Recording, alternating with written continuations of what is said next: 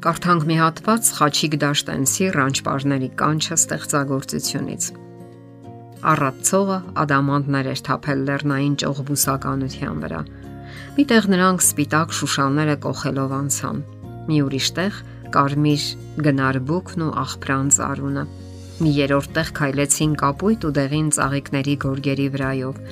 Մերթ կողք կողքի ու մերթ իրար գրկած գնացին ու մերթ իրար հետևից նեղ ժայռերի միջով հասան նստեցին մի բարձր ժայռի Հայտարարում եմ ձեզ կին եւ ամուսին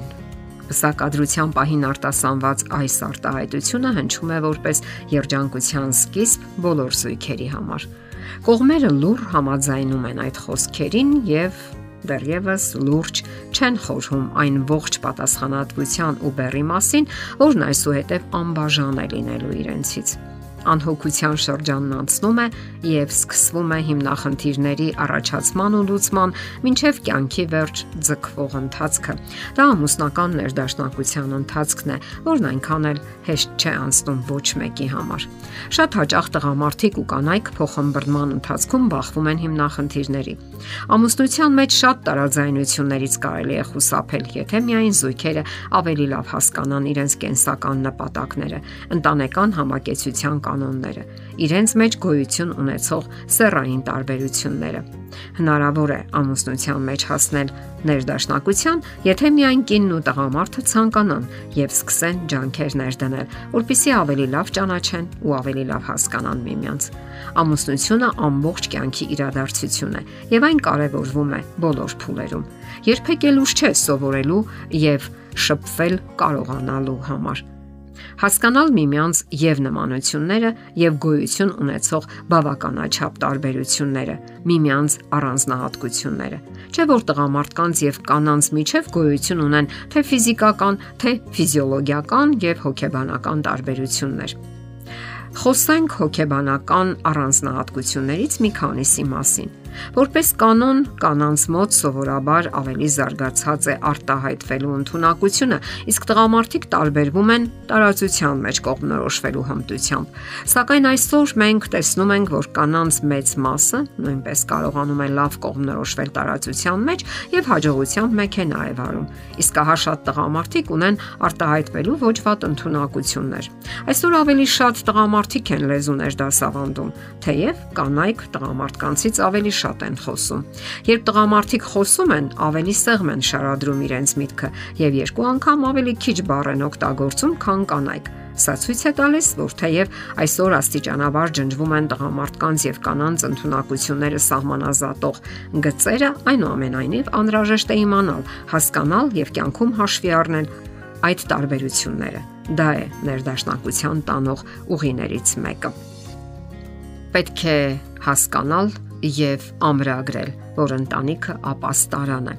Այս թվում է թե པարզունակ, սակայն իրականում խիստ կարևոր միտքը հասկանալը կօգնի մերօրյա վազվզոցից հոգնած մարդուն գնահատելու ընտանեկան խաղաղությունն ու անդորը եւ ամեն բան անելու հանուն այդ ամրոցի պահպանման եւ կայունության։ Դա այն ամրոցն է, որտեղ նա կարող է հանգստություն եւ ըմբռնողություն գտնել եւ ոչ միայն գտնել, այլև տալ, նպաստելով ընտանիքի ներդաշնակությանը։ Փոխադարձ վստահությունը եւ անկեղծությունը կայունություն են հաղորդում ընտանիքին, նաեւ ամրապնդում միասնության զգացումը։ Ցանկացած զույգ վաղ թե ուշ հասկանում է, որ դժվարություններն ու թյուրըմբռնողությունները անխուսափելի են եւ հարկավոր է գտնել դրանց դիմագրավելու ուղիները։ Ամփորձ մարդիկ ընկնում են առաջին իսկ փորձության ժամանակ, որովհետև համատեղ չեն գործում։ Ոմանք առաջ են տանում սեփական անսխալականության առասպելը եւ փորձում են ընկճել դիմացինին, այլ ոչ համատեղ ուժերով գտնել խնդրի լուծումը ուժը նույնպես նպաստում է ներդաշնակ հարաբերությունների հաստատմանը, եթե ամուսինները միասին են քաշում ընտանեկան կարգը, յուրաքանչյուրն իր ուժերը ներածին չափով, չեն փորձում վրեժ խնդիր լինել միմյանցից, ինչ որ բան ապացուցել եւ վերջապես լինել հրամանատար։ Ուշադրությունը եւս կարևոր է ընտանեկան կյանքում ներդաշնակության հասնելու համար հարկավոր է ուշադիր լինել միմյանց կարիքների հանդեպ։ Հասարակական կյանքում այսօր շատ մեծ տեղաշարժեր են կատարվում եւ դրանք բոլորն էլ ազդում են նաեւ զույգերի աշխարհի վրա։ շեղում։ Գրավել, խլել մեր ուշադրությունը։ Ահա թե այսօր ինչին են միտված բոլոր գաղափարախոսությունները, ուսմունքները, կոչերն ու լոզունգները՝ շեղել, գրավել, խլել։ Եվ դրանցից յուրաքանչյուրն ի վիճակի է շեղելու մեր ուշադրությունը, որպես մի կարևոր եւ անփոխարինելի բան սակայն դրանք բոլորն էլ ստում են, եթե շեղում են ընտանեկան արժեքներից, հիանալի հարաբերություններից եւ կողոպտում են մեր ժամանակը եւ ուշադրությունը։ Պարզապես պետք է լինենք մեր կյանքի ու ժամանակի տերը եւ թույլ չտանք, որ խաղարկեն մեզ։ Ընտանեկան ներդաշնակությունն ու երջանկությունը այն ամենն է, ինչի մասին երազում են համարյա բոլորը։ Սակայն ինչպես հասնել դրան եւ պահպանել ճիշտ հարաբերություններ դրան հասնելու համար քչերին է հայտնի։ Նաեւ քչերն են փորձում հասկանալ։ Իսկ շատերն էլ հույս ունեն այն ստանալ առանց ջանքերի։ Իհարկե, նրանց սպասում է հուսախապությունը, համատեղ նպատակ եւ համատեղ ջանքեր։ Ահա միակ ուղին